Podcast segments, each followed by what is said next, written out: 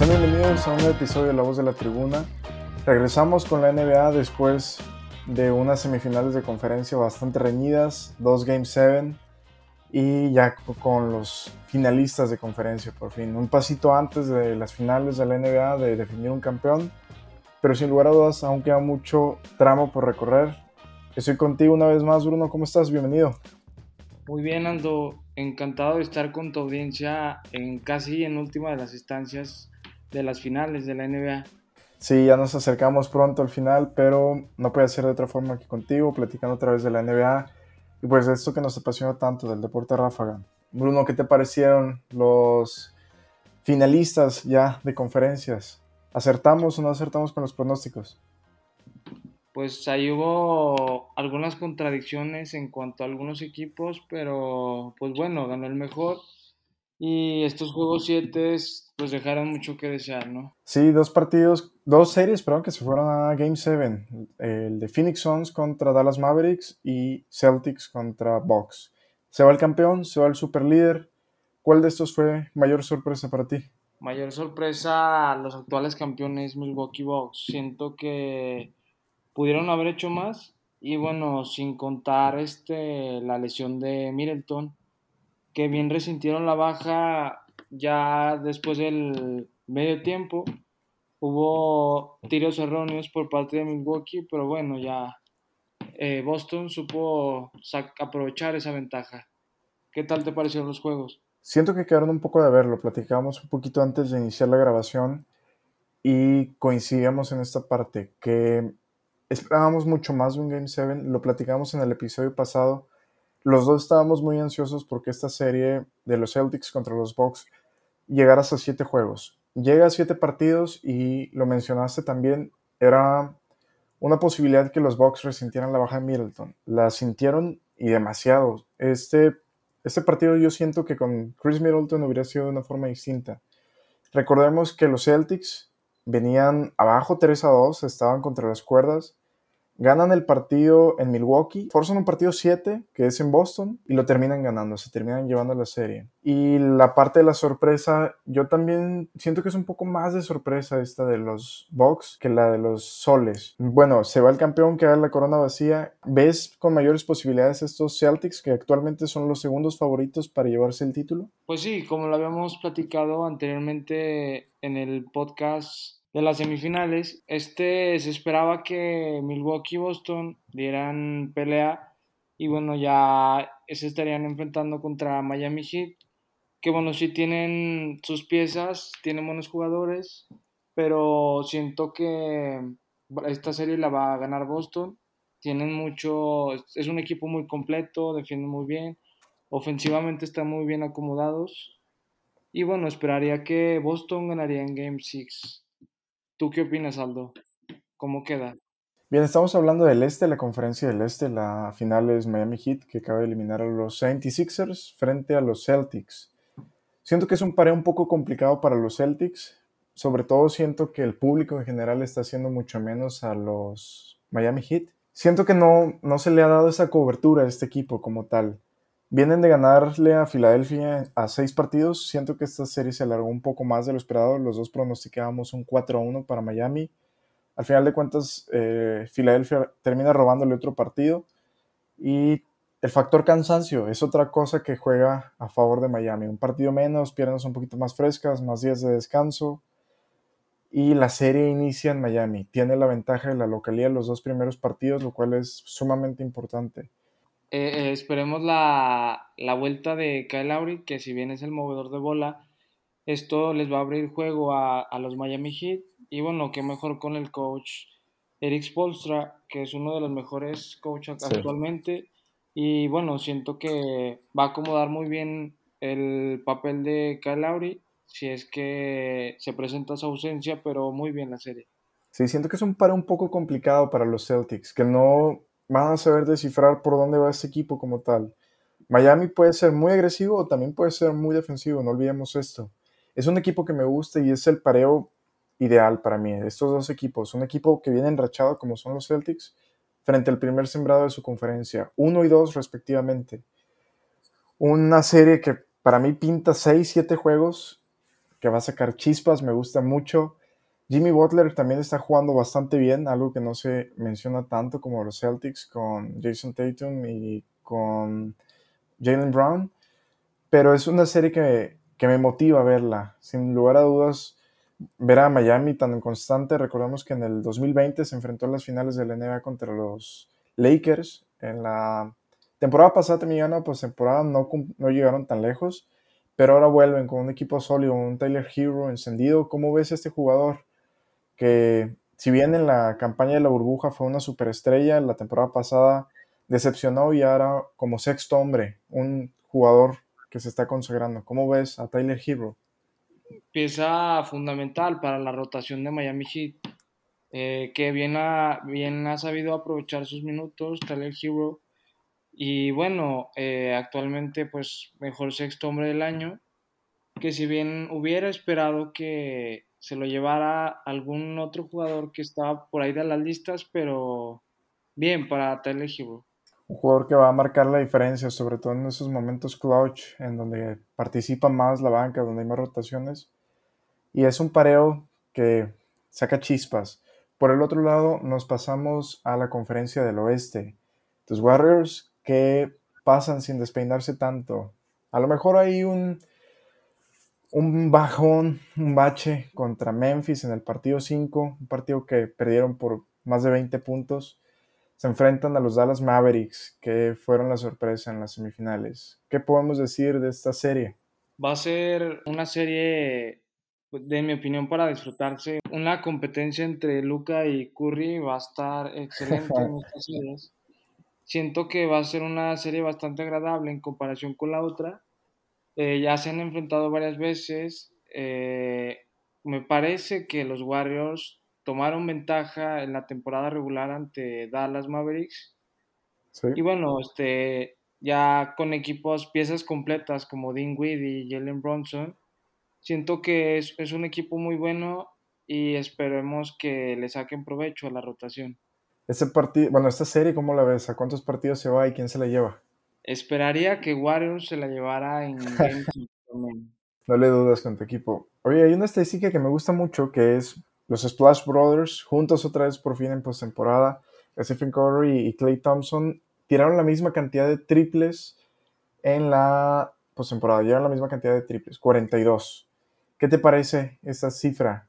Sin lugar a dudas, me parece que están muy completos, que si algún día uno no sale tan fino, el otro puede llegar a cumplir y a suplir el rol. Sí, es un, es un buen dato. Eh, recordemos que Curry y Clay se posicionan entre los tres mejores tiradores de los playoffs en triples. Y bueno, este, ahí con la otra espada, se dice que el nuevo Splash Brother, el Jordan Paul, y se complementan muy bien. Eh, si uno no tiene una, un buen cuarto, una buena noche, el otro puede llegar a, a, a ese clutch que necesitan los Warriors. Pero bien, para estos dos jugadores, increíbles tiradores. La serie inicia en San Francisco, inicia en casa de los Warriors. ¿Cuál es tu pronóstico para los dos primeros partidos? Porque parten como favoritos los Warriors. Yo esperaría que juegos difíciles, espero que haya competencia en estos dos equipos. Eh, encuentro similitudes en tanto a la relación del juego. Es un juego muy rápido entre estos dos equipos. No cuentan con big mans que con pues presencia en la pintura. Eh, Dallas viene con buenos porcentajes en triples y bueno, lo que venimos hablando que Warriors tiene excelentes tiradores de triples, eh, pueden atacar, abrir este, abrir pintura y bueno, un juego bastante similar. Va a estar muy golpeado, pero esperemos que gane Warriors en mi opinión. ¿Tú qué opinas, Aldo, de los primeros juegos? Siento que se van 1-1 en los primeros dos partidos y en los siguientes dos se van 1-1 igual. Esta serie me pinta para largo. Luka Doncic está intratable, está promediando 31 puntos por partido, 10 rebotes, 6 asistencias y está muy bien con los triples, tiene un porcentaje alto de triples, tiro de campo. Y lo que mencionabas del juego rápido, precisamente estos cuatro equipos, los cuatro equipos que llegaron a las finales de conferencia, tienen un estilo de juego parecido, un small ball mencionas que no hay presencia de Big Man, estoy de acuerdo con eso. Y sobre todo lo destaco en esta serie, porque en Miami tienen un poco más de rotación con hombres grandes. Pero en la serie particular de los Mavericks contra los Warriors es un juego explosivo. Siento que va a ser una serie de muchos puntos y muchos triples. El estilo de juego de ambos se parece bastante y me gusta, me gusta mucho. ¿Tú ya posicionarías a estos Warriors en las finales o crees que puede llegar a haber alguna sorpresa con los Mavericks que no llegan a las finales de la NBA desde el 2011? Bueno, siento que esta va a ser una experiencia para Dallas de estar nuevamente en finales, eh, aparecer de nuevo en el mapa desde, la, desde el 2011 cuando Dirk Nowitzki eh, pues lideraba estos Dallas Mavericks y bueno, siento que va a quedarse en la experiencia y, pero bueno, esperemos que más adelante veamos la presencia de estos Dallas Mavericks, que si bien me alegra que hayan llegado, pero bueno, eh, están frente a los Warriors, ¿qué te puedo decir? sí, yo también creo que aún no es el momento de los Mavericks, como lo hemos mencionado en algunos otros deportes, en algunos otros episodios en este mismo podcast. Hay un periodo de tiempo de maduración de los equipos creo que este es el periodo de maduración de los Mavericks. No creo que le den la campanada, que le den la sorpresa a estos Warriors. Un equipo también coachado con tanta experiencia en postemporada. Y sin lugar a para mí sería la mayor sorpresa de la temporada que estos Mavericks estuvieran en las finales. Mucha gente los posiciona, no son los favoritos, pero están ahí. Están a cuatro partidos, a ganar cuatro partidos de colocarse en las finales. Por el otro lado, regresamos un poquito a la conferencia del Este. Me mencionas que los Celtics son tus favoritos.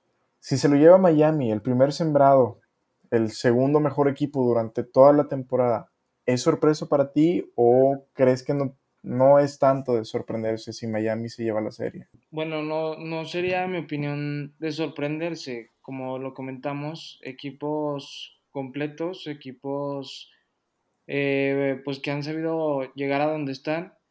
Y bueno, no me sorprendería que Miami ganara esta serie, pero de todas formas eh, sigo en pie con, con mi pronóstico de Boston Celtics. Un Boston Warriors sería el pronóstico final para estas finales de la NBA.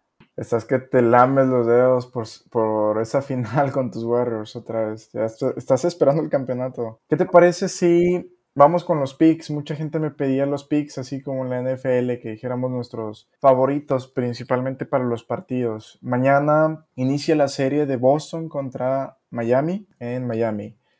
Y mucha gente me pedía que diéramos algunos pronósticos.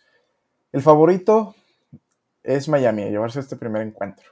Con dos puntos de diferencia, que se lo lleva Miami por más de dos puntos. ¿Tú a quién tomas en este primer partido? ¿A Miami o a Boston?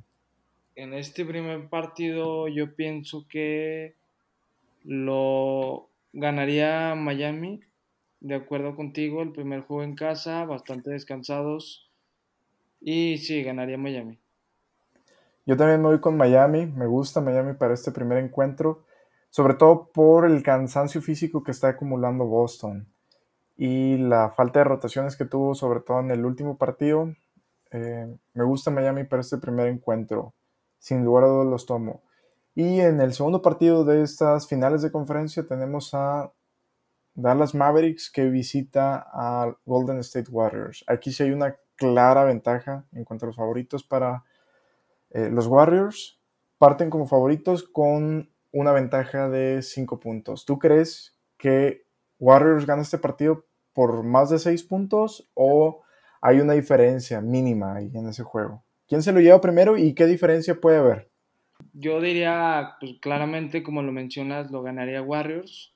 Aquí en la serie el underdog es pues Dallas Mavericks y pienso que se lo llevaría tal vez por 8 puntos, 8 10 puntos. A mí también me gustan los Warriors, siento que ese partido puede ser un poquito de diferencia. Recordemos que los Mavericks también suelen iniciar un poquito lentas las series, suelen apretar más a partir del partido 3, 4, es cuando juegan con mayor intensidad.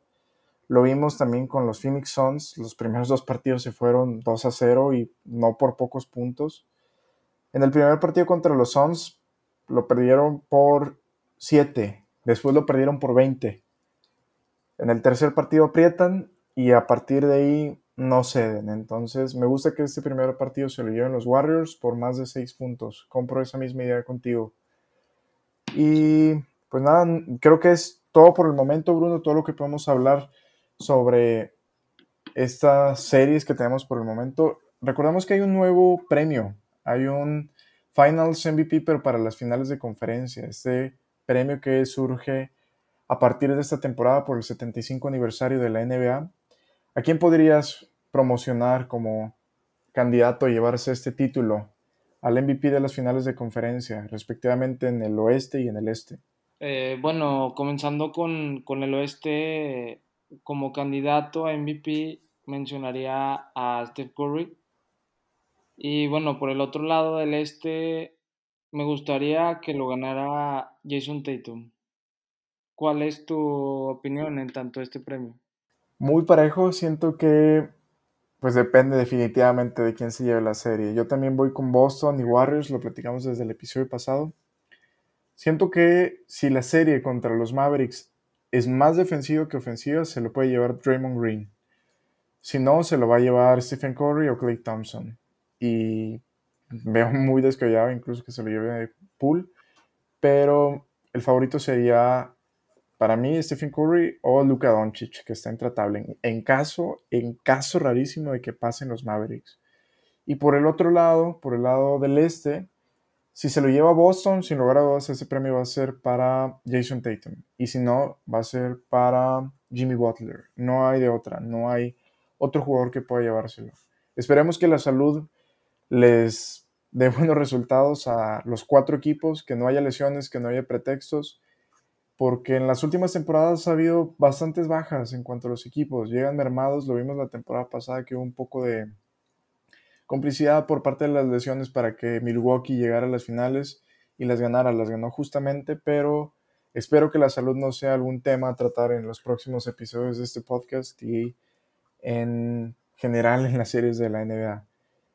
Nos esperan unas series vibrantes, Bruno, y pues nada, ya tenemos nuestro pronóstico para el día de mañana, Miami. Ambos vamos con Miami como favorito a llevarse este primer partido. ¿Algo más, Bruno, que quieras añadir a este primer episodio de las finales de conferencia del 2022?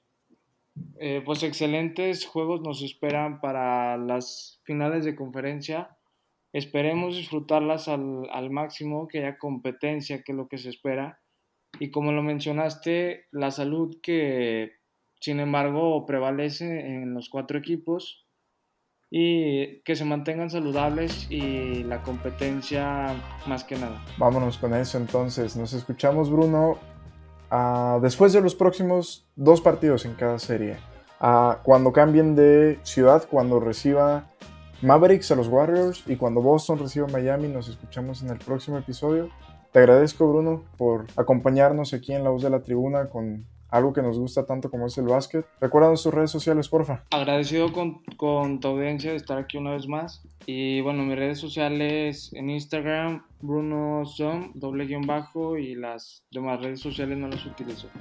Bien, Bruno, te agradezco, sabes que estás en tu casa y que te sigan en Instagram, Bruno Som, doble guion bajo. A mí me encuentran en todos lados como arroba 13 Sin más, les agradecemos una vez más por escucharnos y hacernos parte de su vida. Y como siempre, nos vemos en la cancha. ¡Ánimo!